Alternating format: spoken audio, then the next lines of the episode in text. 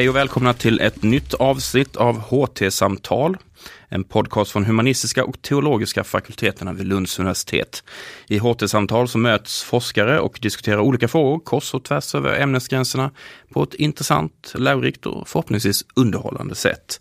Jag heter Martin Degrell och jag leder samtalet här idag. Och som så ofta förr så har jag tre gäster framför mig här i studion. Marianne Gullberg, professor i psykolingvistik på SOL och även föreståndare för Humanistlaboratoriet. Hej! Hej! Jutta Heider som är docent i biblioteks och informationsvetenskap vid institutionen för kulturvetenskaper. Hej! Hallå, hej! Och Björn Nilsson som är forskare i arkeologi vid institutionen för arkeologi och antikens historia. Hej! Hej, hej! Idag ska vi prata om teknik och i synnerhet humanisters relation till teknik kommer genast in på en definitionsproblematik vad gäller teknik, men vi återkommer till det. Men först så tänkte jag bara berätta för er att för ett antal år sedan så när jag var student och hade inget, ingen vidare sysselsättning på sommaren, då gick jag en sommarkurs som hette IT för humanister. Och detta var under IT-erans glada dagar runt millennieskiftet eller sådär. Och den här kursen ville på ett, ett nästan ett rart sätt Ehm, förklara för alla dessa teknikfientliga och datorskeptiska humanister vad en hemsida var och vad, hur man sökte information på internet och hur en skrivare fungerade och, och dylika konstiga frågor. Och syftet var ju någonstans gott. Men å andra sidan så var det ju också en, en kurs som avslöjade en, en oerhört förenklad eller förminskande bild av hur man inbillade sig att en humanist närmar sig teknik då i största allmänhet och IT då i synnerhet då i det här fallet. Och den utgick från att en humanist skyr teknik, är ointresserad av annat än böcker, inte förstår sig på maskiner och att humanistisk forskning är lite dammig och lite analog sådär i största allmänhet.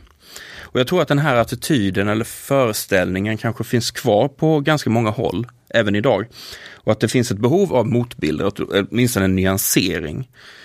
Och det finns säkert ett antal teknikskygga luditer kvar där ute som helst sitter och skriver för hand i ljuset av ett stearinljus eller något sånt där.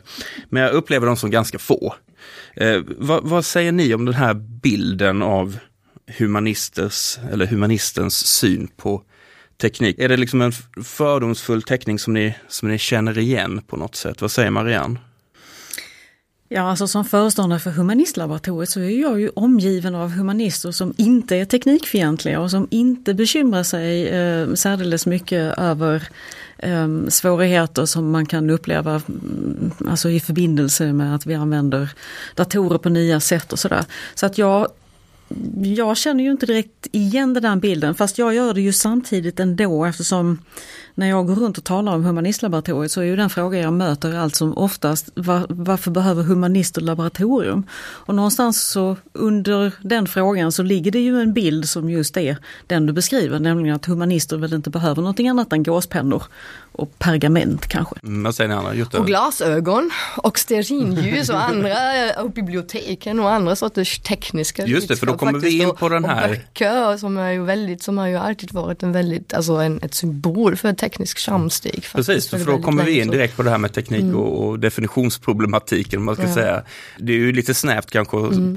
prata om så här tekniker, då menar man bara typ datorer eller det mm. allra senaste. Men precis som du säger, det är ju Även en penna är ju teknik. Och glasögon inte minst. Ja, och jag mm. menar, som i ditt fält och arkeologi Björn, jag menar det, det har vi ju teknik även på stenåldern naturligtvis. Ja, alltså arkeologifältet är ju inte alls så, det är inte teknikfientligt egentligen två aspekter. Det ena är att det vi undersöker är ju ofta teknikhistoria.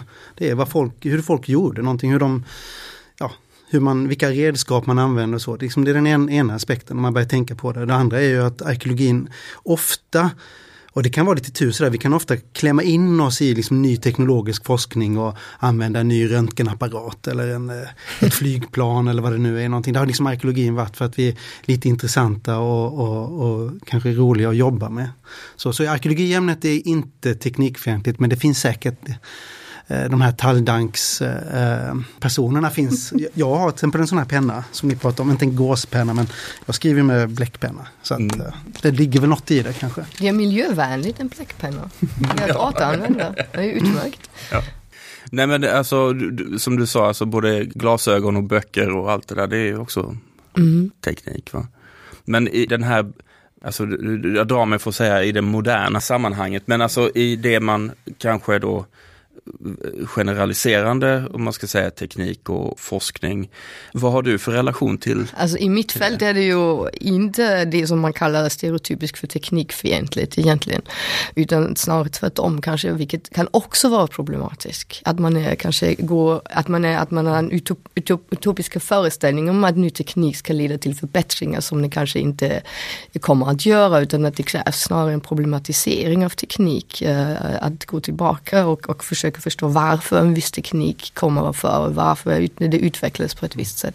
Men själv har jag ju, jag gillar min forskning sedan min magisteruppsats knuten till att uh, forskning om digitala företeelser på olika sätt till exempel som, uh, som där det inte blir en, en teknikfientlig ingång utan snarare kanske en teknikkritisk ingång men det betyder ju att man måste ha en väldigt djup förståelse för tekniken och det är inte ovanligt i mitt fält uh, faktiskt att, att ha forskning och, och undervisning som rör just digitala mm. produkter och så. Det måste vara någonting som har kommit då, alltså de senaste åren mycket eller har det skett en stor förändring tycker du? I... Alltså nej, det har inte kommit de senaste åren, det har kommit de senaste tionden mm. skulle jag säga. Mm. Eh, det är ju biblioteks och informationsvetenskap är ju, alltså sysslar ju med olika mm, institutioner och redskap och så vidare och uh, människor som, som, som hanterar information på olika sätt. Och det är alltid djupt knuten till olika former av teknikutveckling som böcker men även datorer. Då. Mm. Marianne, hur skulle du säga att din, eh, din personliga relation till teknikbegreppet har förändrats sedan du blev forskare? Jag vet faktiskt inte om den har förändrats utan jag tror nog att jag, ehm, jag, jag, var, jag har egentligen aldrig varit sådär särskilt gräns, intresserad av gränser så att säga utan jag eh, Eh, redan när jag var student och intresserade mig för um, språkvetenskap. Jag var latinare från början mm. eh, och läste latin och antik grekiska. Och sen halkade jag in på språkvetenskap, den moderna allmänna språkvetenskapen. Eh, och där var det liksom alldeles uppenbart att å ena sidan så behövde man redskap för att hantera rösten. Talar man om språk så talar man om rösten mm, och hur gör man då? Man måste spela in rösten mm. och har man en ljudinspelning så måste man göra någonting med den. Mm. Och den kan man då analysera på olika vis. Och detsamma gäller faktiskt det skrivna ordet som ju liksom är den andra stora delen av den teknik som man jobbar med som språkvetare. Och har man stora textmassor, ja då behöver man hantera dem också på något förnuftigt vis. Ehm, så på något sätt redan från början så var det alldeles uppenbart att ehm, vare sig man tänkte sig språket i sin talade upplevda form eller om man tänkte sig språket i skriven form så behövde man ta hjälp av alla möjliga redskap och verktyg och så. Så att jag, har liksom inte, jag kan inte känna att det har förändrat sig. Det är snarare så att jag har lagt till grejer i min verktygslåda.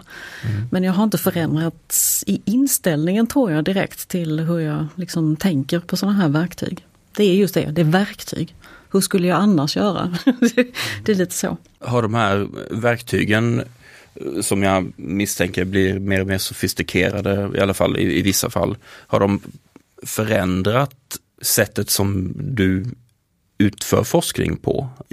Om tekniken blir mer sofistikerad eller om man har bättre möjligheter att till exempel analysera ljudupptagningar eller? Ja, jag menar det förändras väl så tillvida att många av redskapen kräver förkunskaper. Alltså det är ju lätt att göra en ljudupptagning men vad man sen ska göra med den det kräver ofta lite mer ingående kunskaper med olika typer av ja, analysverktyg och hur man klipper och klistrar i en ljudfil sådär som du eventuellt ska göra om vi mm. råkar nysa mitt i den här inspelningen eller så. Um, så att jag menar det är väl både och. Samtidigt så, så kommer det ju också liksom ny teknik om man tänker på alla mobiltelefoner som vi har här runt bordet. Som nu är avstängda, men i alla fall. Som vi kan göra både ljudupptagningar och filminspelningar med och sådär vidare. Alltså på många sätt så en viss sida av tekniken blir, är ju fortfarande väldigt, väldigt användarvänlig. Om man tänker på väldigt, väldigt små barn som sitter och leker med sina iPads. Alltså det är ju också så att säga ett förhållande till teknik som vi sen bygger på. Men i den andra änden om man tänker på de stora analyserna och sådär som man ska göra så, så krävs det ofta mer förkunskap och, och utbildning skulle jag ju då vilja säga. Kanske utbildning som inte humanister alltid får men som Humlabbet då till exempel försöker bistå med. Är det ett problem med att användarvänlighet döljer väldigt mycket också mm. oftast? Ja så är det förstås. Mm. Så är det förstås, precis som Björn sa här tidigare att um, vi använder alla mobiltelefonen men hur det liksom funkar på insidan det är det ju väldigt få av oss som egentligen vet. Mm. Så det är klart att det, finns, att, att det finns aspekter där som man kan och kanske bör problematisera. Mm. Ja, um det, det, är intressant det här med liksom nya och gamla teknologier för att eh, jag är inte jättegammal men ändå så ser jag ju en skillnad faktiskt de sista 20 åren liksom på studenterna. Jag själv var student och, och på mina studenter och vissa av de sakerna, det, jag tror du har rätt i att många frågor eller sätt att lösa dem. Det kanske har snabbats upp, det har blivit enklare att inhämta en viss typ av kunskap. Jag behöver inte gå till Lantmäteriet och kopiera, fotokopiera en karta utan den finns på nätet. Eller jag behöver inte betala 200 000 för en satellitbild över ett område utan det finns gratis i stort mm. sett. Och sådär, va? Men en sak jag har märkt, det som jag tror är ganska liksom en, en, en stor förändring, det är att vi har vi har tappat vissa och jag lägger ingen värdering i det egentligen, men tappat vissa liksom, mekaniska teknologiska färdigheter. Mm. Som till exempel när jag är ute i fält och gräver så fortfarande, även om vi tillsammans med Humanistlaboratoriet håller på att utveckla digitala plattformar som absolut kommer vara det vi kommer jobba med på många sätt, så är ju ändå då pennan och papper, liksom ett, ett vattenbeständigt papper och ett mm. vattenbeständigt blyertsstift som är, är jättesvåra att få tag på idag för det är ingen som använder dem. Men studenterna, de, det var första gången jag fick en annan de sa att jag har fått skrivkramp, för mig så är det ju något mentalt tillstånd då. Men det här var ju att, att, att fingrarna inte kunde liksom efter några minuter. Ja, och jag inser att de faktiskt inte har övat upp motoriken som krävs för att, okay. att, att liksom både varken röra sig ordentligt eller liksom sådär. Och det, det kommer ju. Men, men det måste ju ändå vara någon sorts påverkan av en, en digital teknik som får wow. sådana här biologisk motoriska konsekvenser. Mm. Ja. Men äh, apropå då äh, arkeologi och, och, på vilket sätt skulle du säga att äh, tekniken, om vi nu pratar om den nya tekniken, möjliggör forskning inom arkeologin på ett, på ett sätt som kanske inte har varit möjligt tidigare? Eller är det så att det har ähm, Kan det vara så att tekniken, teknikens möjlighet väcker nya frågeställningar som inte har varit möjliga att ställa eller att komma fram till tidigare. Ja, det, det senare kan man ju hoppas på. Det ser man inte sådär jätteofta. Men jo, men det finns säkert också, det gör det. Det finns något exempel. Men eh, egentligen så tror jag att just det här med avbildning och insamling av stora datamängder har inneburit mycket. Och det får ju konsekvenser för vilka frågor vi ställer. Och sen så är jag det är en sak som är fascinerande är just den här ska vi säga, högupplösta versionen av världen vi kan få med olika typer av skanningsinstrument. Om det gäller att skanna ett ben av en, av en död biskop eller en havsbotten, det som jag håller på med. Att man har gått ifrån eh, att bara kunna få ganska grova kartor eller avbildningar till att få väldigt, väldigt exakta nere på nanometer eller mikrometer nivå. Så det, på det sättet så är det lite, känner jag, den här tiden, men det kanske alla tycker att det är lite som när man, de här första mikroskopen kom på 1600-talet, att vi, vi får nya tittskåp. Och då, det är klart, vi är ju dumma om vi inte tar tillfället i akt och ställer nya frågor då. Där, så den sista frågan är, jag tycker vi borde bli bättre på det och förstå att vi måste ställa nya frågor. Liksom. Mm. Det vill jag gärna, gärna eh, stödja så att säga. Ehm, det är klart att eh, i mitt fält till exempel där man nu kan man kan skanna hjärnor, det är ju liksom en, en mm. nyhet på något vis mm. att man mm. kan titta på insidan av människan mm. samtidigt som vi, som vi är engagerade i tänkande och sådär. Och se vad, liksom, hur det funkar på insidan när vi tänker eller när vi använder språk eller så. Um, men samtidigt så är väl trots de fantastiska möjligheterna som det innebär liksom att, kunna, att kunna göra det, så är frågeställningarna relativt traditionella. Mm. Så att jag håller helt med om, om detta, så att jag, jag, jag, ser det på något sätt som att vi inte riktigt har eh, tagit till oss vilka möjligheter den nya tekniken faktiskt ger oss. Att det finns väldigt mycket som på något sätt väntar runt hörnet på nya frågor som vi skulle behöva. Man utgår från samma frågor fast man gör det? Ja, lite grann alltså. Man ställer fortfarande samma frågor mm. fast man har då lite ny teknik som precis som Björn säger ger oss en ny och högupplöst mm. bild både av omgivningen och i vårt fall då av insidan så att mm. säga. Men, men på något sätt så har, jag tror inte riktigt att tekniken har satt sig i den bemärkelsen att vi, att vi har börjat ställa riktigt nya frågor än. Jutta, inom, inom eh, din forskning om Google till exempel, där, ja. där, där, får man ju ändå föreställa sig att det är nya frågor eftersom Google inte fanns förr. Det är nya frågor och det är gamla frågor, det är mm. ju både och. Va? Men uh, det som är intressant med när man forskar som jag inom digital, det som kallas för digitala kulturer på olika sätt, där man använder ju, man, man, man undersöker hur digitala redskap, Google eller Facebook och så vidare används och vad det, vad det ger upphov till viss till sorts interaktion och information kommunikation och hur man hanterar det också i sociala samspel och så vidare. Samtidigt som de verktygen som man använder uh, är bland annat um, tradition, mer traditionella metoder som kvalitativa som jag gör, men också de verktygen själva som används. Så man kan ju använda Google eller så för att forska om Google till exempel. Mm. Vilket är oerhört spännande men det kräver ju också att man vet eller, eller har en bra förståelse för de kommersiella strukturerna som är mm. inbyggda i, i hur Google mm. fungerar. Mm. För att, alltså, man kan inte använda det rakt av utan man måste veta att, att, alltså, hur det fungerar, inte tekniskt nödvändigtvis, det måste man också förstå men också rent ekonomiskt och, och vilka, vilka businessmodeller det bygger på till exempel. Så, och, och att det också att det kan försvinna att det finns ingen reproducerbarhet på det mm. sättet utan det är någonting som rör sig hela tiden och som är, in, som är ja, i, i rörelse. Så där man kan inte stå någonstans och sen samla in datorn och sen kan man lagra den och sen kan man göra samma resultat en gång till. Det är omöjligt så man måste ha ett helt nytt förhållningssätt hur man, hur man forskar och skriver om världen. Mm. Men det är, det är intressant. Det du säger är också väldigt intressant Marianne med uh, nya frågor.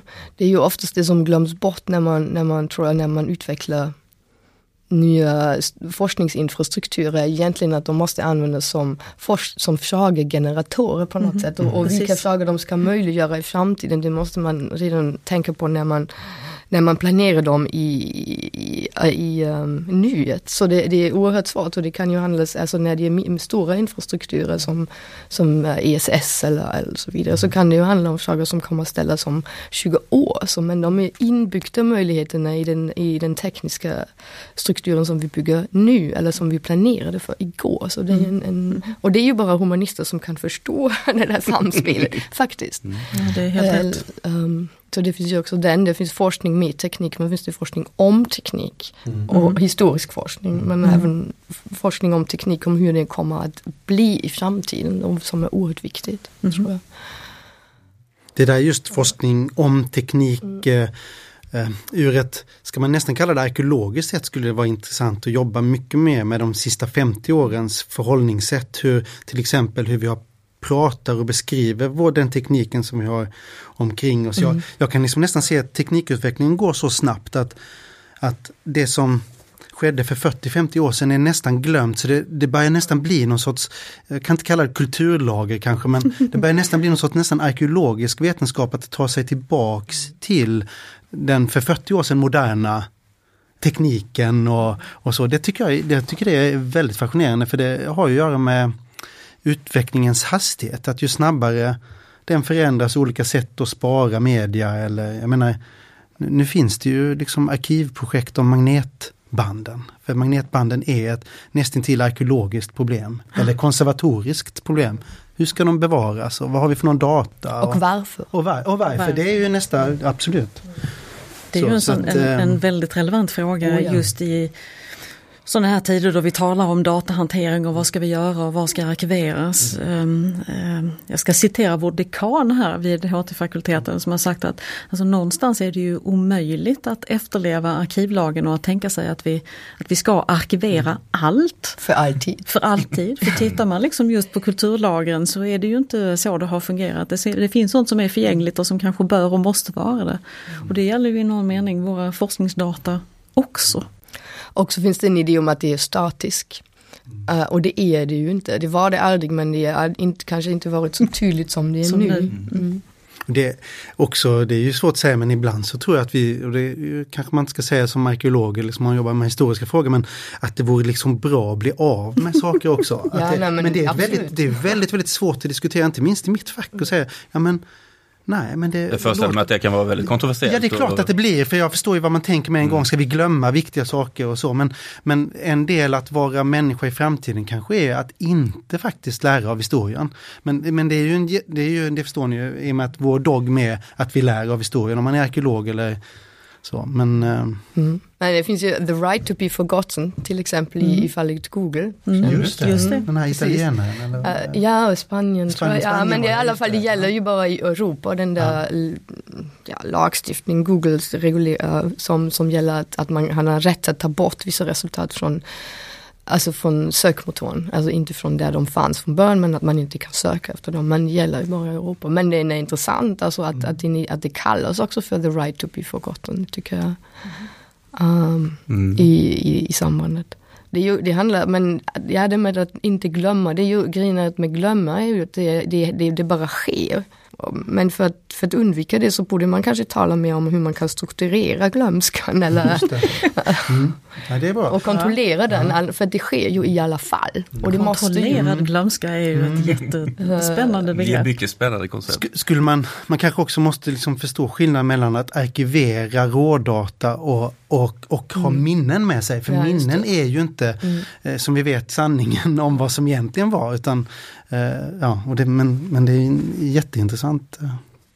K- Kommer du nu kunna lägga mig på en kanal så att om jag begär det om ett år så vill jag inte vara med i den här podden, det ska vara helt tyst. Det där är ju en jätteintressant så fråga. är det glömt. Så jag har Eh, glömt mig, Svar- min, min rätt att bli... Svaret är ju ja, i den mån att jag, jag kommer att få ut fyra, fyra spår av det här samtalet. Ja. Så jag kan ju liksom, om jag upp- upplever att, kanske inte bara så att du vill glömma, det kanske är jag som upplever att du är för kontroversiell. Ja, så jag bara mutar dig genom hela samtalet. jo, den, den, den möjligheten finns faktiskt. Jag börjar undra om vi inte, om vi inte samfällt ska lägga in en begäran om att få bli eh, kontrollerat glömda så blir det ett tyst spår. Ja, det är ju intressant om man tänker igenom de konsekvenserna. Men, men apropå just kunskap som eh, också då som kommer i ett, i ett nytt ljus, eh, säg av ny teknik då som möjliggör, du var inne på Björn, med, med liksom supernoggranna mm, millimeter, nanometer eh, mässiga mätinstrument och så vidare. Vad händer då med den gamla kunskapen? Eller vad, hur förhåller man sig till den eh, då? Hur respektfull eller lös är man då mot den gamla? Man säger, nej, men nu kommer det liksom en nya, ett nytt um, sätt för oss att göra 3D-modeller här av Pompeji då till exempel eller något sånt där. Ja men då bara hystar vi bort alla andra, eller hur, hur förhåller Alltså, jag, man har, sig ett- till jag har det? ett bra exempel Ja. faktiskt. Som jag, det var roligt att du tog upp det, men faktum är att jag har ju inte pratat om det här innan. Men jag tänkte på det, en sån där sak som Humanistlaboratoriet jobbar ganska mycket med är ju olika typer av laseruppmätningar. Och vi har eh, sedan bara några år tillbaks har vi en LIDAR-modell, alltså en lasermodell av vår, vårt land. En höjddatamodell där man kan gå in och titta på hur, hur rynkigt och skrovligt vårt land egentligen ser ut. Vi är vana att se det som en karta med sådana här höjdkurvor. Så där är en topp och, och sådär. Där kan man se varenda eh, grustag eller gravhög då om man jobbar med som arkeolog till exempel. Då. Fantastiskt. Ehm, ehm, jag tog med mig ett exempel faktiskt på en avhandling ifrån, kan det till och med vara, ja det är Lund, det var ju tur. Ehm, som heter Structures and Landscape. Och den är skriven av Ingmar Larsson 1954. Och detta var nog högteknologi då. Och vi kommer liksom skratta lite åt det nu när jag vänder in på eh, baksidan. Men jag lovar er att det här, det här funkar fortfarande. Eh, här bak, som ni kan se. Så För alla det- lyssnare. eh, För alla lyssnare. eh, Så ser Oj, är det vi en... 3D-glasögon? Eller? Ja, ja, detta är 3D-glasögon. Oj. Wow. Eh, och detta var den första avhandlingen som använde sig för att kunna studera ehm, topografi helt enkelt. Så här bak i en liten fin ficka så ser vi delar av det blekingska landskapet med då en Anaglyfbild. Ja. Vi har, vi har ju fina namn på sånt som idag heter något annat men anaglyfbild är ju det korrekta namnet då. Och för, för lyssnarna kan vi säga det, om ni vet hur de här Jag tänker dålig, gamla- dålig film från 80-talet. Precis, att det, man ser inte riktigt motivet, det är lite suddigt ser det ut som. Och det, det är en röd bild och så finns det de här glasögonen då med ett rött öga och ett blått öga. Betrakta anaglyfbilden samtidigt med båda ögonen, står det. Och efter en kort stund erhålles en tredimensionell och inom parentes plastisk bild. Mm. Här kan vi ana det här med arkeologi, med språket till exempel. Att jag, jag är inte säker på att man sa tredimensionell om en sån karta. Det kanske var det som var själva liksom plastiskt, det förstår ju alla. Mm. Det är ju kanske inte så många som förstår idag, men nej. tredimensionell, vad menar han? Mm. Så, nej men, och då tänker jag att eh, med LIDAR-datan då eh, visar ju det där med en skuggreliefbild, men, men det kanske finns en djupare Eh, det kanske finns något annat som faktiskt i den här Ingmar Larssons avhandlingsbilder, jag vet inte, det får man ju testa, det har vi inte tid att göra nu men... men eh, jag, jag kan intyga att, att det ger en viss effekt. Det, viss och det, är, det är väldigt häftigt att det är, alltså ja. det, dels är det väldigt fint, det är mm. den här lilla fickan här och, eh, men alltså jag är också imponerad av att den är från 1954 liksom. Ja. Att den, det, som Nej, men, sagt, som du säger, den, den, på den tiden måste det ju ha varit eh, spektakulärt. Ja, men gå, tillbaks till äldre, gå tillbaks till äldre data, det måste man nog alltid göra. Det finns så mycket att hämta. Alltså. Oh, jag skulle också vilja ha en 3D-bild i min avhandling. Vilken selling point. Men jag menar, jag håller helt med Björn, det är klart att man alltid måste gå tillbaka till äldre data. Det är ju en del av det vi gör som, som, som, som forskare. Det, är ju, det ankommer liksom på oss att, att, att förhålla oss vi måste ju läsa alla källor. Vi kan ju inte sådär börja läsa material publicerat för fem år sedan eller så. Även om man ju, måste jag säga, åtminstone i mina fält ibland så förtvivlar man lite när man ser moderna publikationer där man liksom sällan citerar någonting som är äldre än låt säga tio år. För är det äldre än tio år så betraktas det som, som irrelevant och det är det naturligtvis inte. Men där tycker jag, där kan man ju nog se ändå att humanister rent allmänt faktiskt är bättre på att um, ta hänsyn till de äldre rönen än vad man kanske är till exempel i psykologi. Nu kommer jag få alla psykologer på mig här. Men, eh, men eh, jag tror att det finns disciplinskillnader därvid. Alltså. Men mm. generellt sett så är det väl alldeles uppenbart att vi måste, borde eh, ta, ta, ha lika stor respekt för, för, äldre, för äldre rön. Dessutom är det ju ofta så att när man tittar bakåt så, så hittar man ju precis som Björn har, har gjort med den här fina avhandlingen.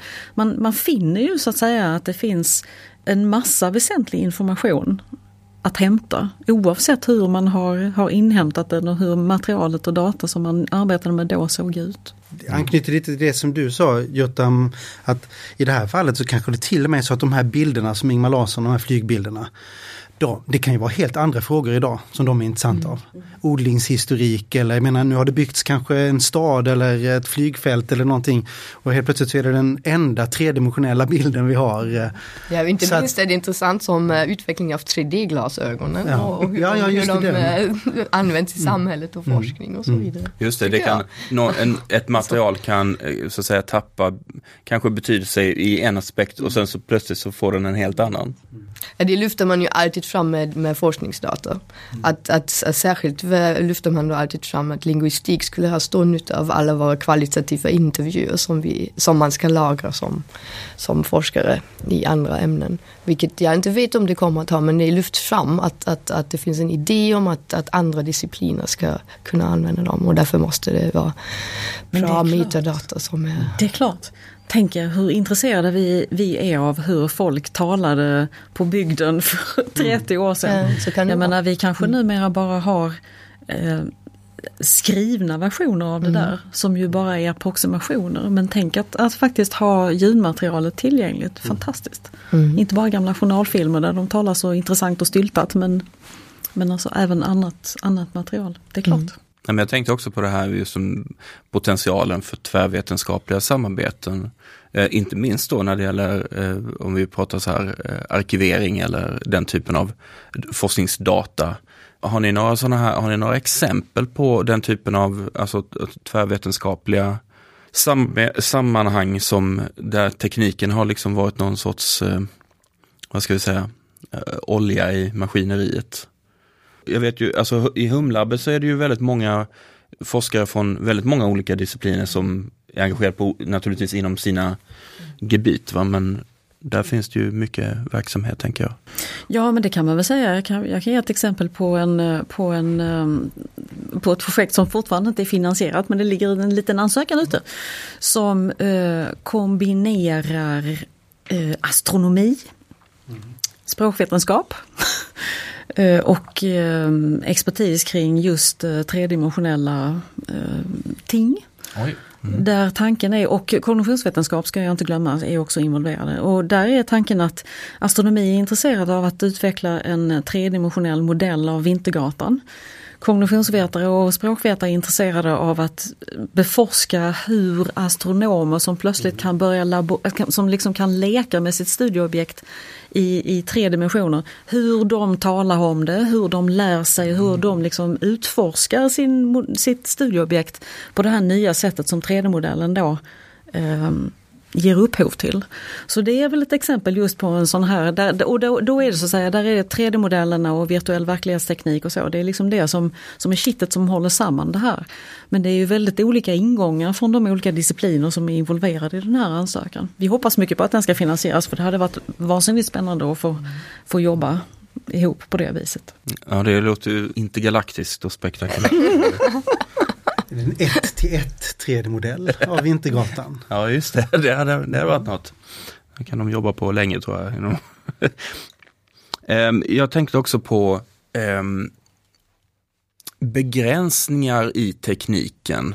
Finns det vissa forskningsuppgifter som man, ni, kan föreställa er som liksom är svåra att genomföra för att tekniken inte nått dit ännu? Alltså om vi vänder på begreppet liksom att tekniken möjliggör saker men när tekniken inte riktigt räcker till ännu. Alltså finns det något så här tekniskt genombrott som ni sitter och, ni sitter och väntar här på, er, liksom så här läser de senaste, så här, där äntligen har de kommit på den här 3D-skrivaren som gör det här möjligt eller den här algoritmen som förändrar allt och nu kan jag äntligen genomföra det här forskningsprojektet. Så, alltså så finns det inte i mitt fält. Jag kan ju föreställa mig att det, kan att det måste finnas i, i många andra fält, även humanistiska fält antar jag. Alltså i mitt, för, i mitt fält finns det säkert också men inte riktigt i min forskning. Eftersom jag, är så, jag forskar om teknik med teknik, uh, digital teknologi med digital teknologi. Så det blir en Uh, alltså så man är, det finns inte riktigt ett utanför så det finns inte så det, det går med helt enkelt. Mm. Jag följer med på något sätt. Uh, och använda också kommersiella verktyg och så. Så det, det är lite inte för mig. Men jag skulle ju önska mig begränsningar ibland snarare än att um, tvärtom kanske. Men ja.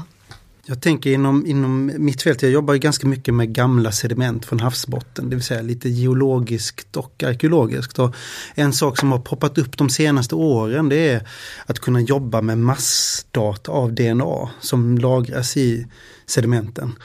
Och det kanske senaste senaste är det inom att inte bara jobba med högre former av liv utan kanske liksom bakterier och, och, liknande. Och där ser jag, där är, liksom, där är det fortfarande så att, att superdatorerna är liksom en eh, vi måste ha bättre och bättre datakraft för det är miljarder av sådana små fragment som ska läggas ihop då.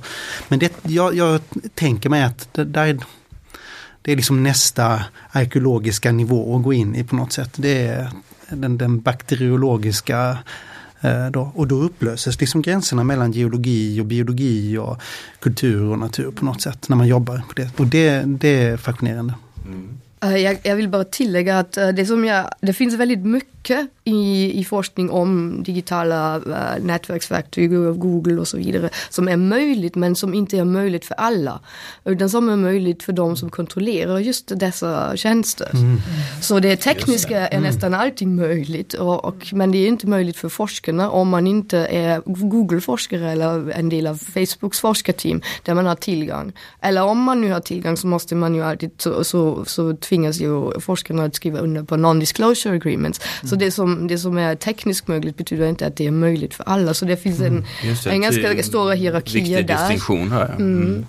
Uh, som, som man kan ju, som man önskade ju säga att det fanns en, en diskussion kring detta också som mm. är ju viktigt att ha. Och ändrat lagstiftning kanske. Ja, alltså den, den, just den här begränsningen, det, det, det, är väl också någonting som vi ser åt, om jag nu har på mig humlamsmössan en liten stund. Och det är väl att, att tillgång till den teknik som, som redan finns, som de facto är mm. användbar så att säga. Tillgången till den är ju på många sätt en begränsning för många forskare, i alla fall i våra ämnen. Mm. Och det är väl då en förhoppning att Humanistlaboratoriet så att säga, ska kunna fungera som en inkörsport där och att vi kan hjälpa till kanske att ge forskare tillgång till superdatorer mm. för vi har ett gott, mm. ett gott förhållande till, till eh, de här vid LU som, mm. som, har till, eller som sitter på de där resurserna. Men det är ju som sagt samtidigt så att det finns, det finns ju många andra hinder så att säga som man kan behöva eh, övervinna just för att komma åt de där fantastiska eh, teknikresurserna eller verktygen eller så som man kanske inte ens vet finns men även om man vet att de finns alltså, så, så kan det ändå liksom finnas vissa andra hinder för det. Många av dem är ju rätt så kostsamma. Mm. Superdatorer är kanske det på något sätt är väl det lättaste men det finns ju andra, andra eh, delar av utrustningen som, som det kostar ganska mycket att få lov att använda synkrotronanläggningar mm. och sånt här till exempel. de är Som inte så portabla till exempel. De är inte, nej. nej men det, det ligger ju något, ibland så stupar många roliga projekt på att man inte har tillgång till ström. Mm, ja, att de måste ja, bli så små de här datorerna så att de kan gå på batteri eller, eller sådär. Eller att de inte klarar av regn. Mm. Eller att, ju, att, man inte kan se på en display. Alltså, och det är ju först nu, faktiskt de sista tio åren, där det har blivit överkomligt. Och det, är ju, det är ju superenkla saker egentligen.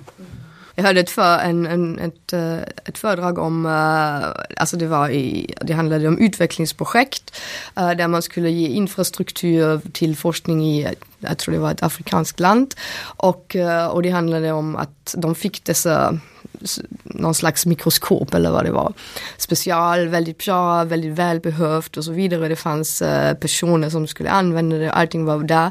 Men i, slutet en, slutade med att de, de, de fick ställa det på bordet, äh, på golvet för att det fanns inte den där simpla tekniken fanns inte tillräckligt mycket av, av uh, bord.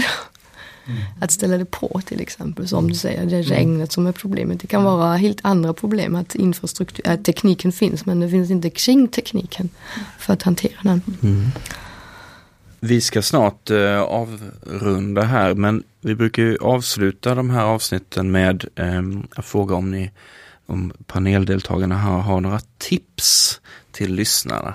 Lyssnarna är ju naturligtvis eh, oerhört tekniskt bevandrade om man lyckats lyssna på ett helt avsnitt av en podd. Det är ju inte alla som, som klarar av det där, men om de nu har gjort det och de vill fördjupa sig lite. Det här med teknik, det låter spännande. Marianne, vad ska de vända sig då? Har du något tips åt dem? Jag har två tips, får jag ha det? Ja, absolut. Mm. Jag har ett tips till mina kollegor här vid Lunds universitet och det är att um, ta en liten två timmars introduktionskurs till Humanistlaboratoriet. Det är mitt tips. Så att man åtminstone kan bilda sig eh, någon slags uppfattning om vad man kan göra i Humanistlaboratoriet. Vi har ju inte, vi har inte all världens resurser men vi har några i alla fall.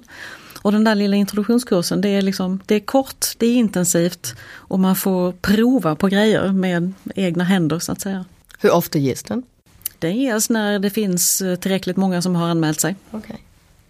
Så det är bara att komma. Får jag ha ett tips till världen i stort? Absolut. Det är inte direkt ett tekniktips men det är en bok som jag tycker är, kunde läsas av många. Eh, som är skriven av Stephen Jay Gould som ni vet eh, stor paleontolog och vetenskapsteoretiker och sådär. Och jag vet inte om den finns på svenska så jag tar titeln på engelska. Den heter The Hedgehog, the Fox and the Magister's Pox. Mending the Gap between Science and the Humanities. Mm. Den har jag haft eh, stor glädje av och den, den rekommenderar jag varmt. När kom den? Den kom strax innan han gick bort. Det måste ha varit slutet av 90-talet kanske. Borde jag förstås ha slagit upp. Fy på mig, dålig ungefär, humanist. Nej, ungefär. Jag menade om det var någonting eh, som kom precis eller så. Ja, tack för dessa tips. Jättefint. Jutta, har du några tips? Googla mer medveten. Nej, den andra är att eh, också en boktipp faktiskt, gammal, gammal teknologi som jag tror många skulle ha nytta av att läsa och det är boken av uh, Jeffrey Bauck och Susan Lee Starr som heter Sorting Things Out, Classification and its Consequences också. Jag, jag vet inte om den finns översatt. Den kom början på 2000-talet. Um, ehm, och det är en, en, en, bok som handlar om hur klassifikation och, och, uh, och standardisering har konsekvenser för, eh, uh, med, med förhandlande och för samhället och så vidare. De går in en del på hur, och hur des, den där klassifikationen och standarder uh, är väldigt inbyggda i våra infrastrukturer och i våra teknologier. Och de går till botten med detta på ett väldigt tillgängligt sätt som eh, är humanistvänligt på alla sätt och vis. Och det är fina berättelser men man kan se klassifikationens och infrastrukturens konsekvenser på ett eh, oerhört fint sätt. Mm. Tack så mycket för det.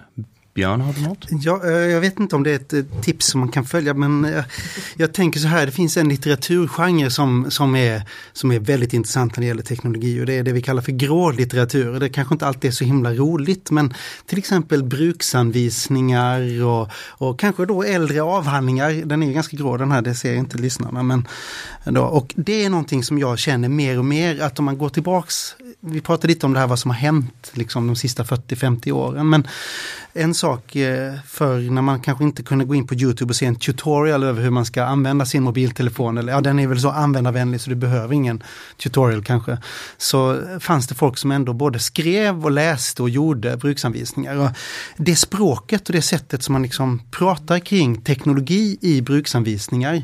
Att input faktiskt hette instorhet och wow. output hette utstorhet på svenska på 50-talet. Eh, det kan ju vara intressant då. Och, eh, jag har här en, en klassisk sån här bruksanvisning för en kamera. Oh, och, Hasselblad. Hasselblad dessutom. Ja, och den är silvrig också, så det är mm. liksom den finare varianten av den gråa litteraturen då. Men jag måste säga, det låter lite löjligt, men det, det är ett fantastiskt språk. Och att det här, det känner jag som arkeolog att vi har tappat. Att på vårt eget språk, det vi tänker med oftast, beskriva teknologi. Och då tänker jag i det långa loppet, vad händer med teknologin när vi inte längre kan prata om den riktigt ordentligt sådär. Så det är mitt kanske lite konstiga tips är att gå hem och läsa era gamla bruksanvisningar över dammsugare och, eh, och sånt. Så får ni en bild av en flydd värld. Jag älskar bruksanvisningar faktiskt. tycker det var jättebra tips. Ja. Eh, och med dessa eh, fantastiska tips eh, så avrundar vi dagens avsnitt av HT-samtal. Prenumerera gärna på podcasten, betygsätt den på iTunes. Sånt där hjälper oss eh, när det gäller topplistor och annat. Om man vill veta mer om HT-forskningen eller lyssna på gamla avsnitt så går det bra att besöka oss på ht.lu.se eller leta upp oss på Facebook. Där heter vi Humaniora och teologi vid Lunds universitet. Mig kan man nå på martin.degrell kansliht.lu.se. Tack så hemskt mycket för att ni ville komma hit, Marianne Gullberg, Jutta Heide, Björn Nilsson. Den här podden spelas ju då in i tidigare nämnda Humanistlaboratoriets larmstudio på Lux. Och som vanligt har Peter Roslund varit tekniker. Vår signaturmelodi görs av Graham Bowl och mer av hans musik hittar ni på freemusicarchive.org. Jag heter Martin Degrell och vi hörs snart igen.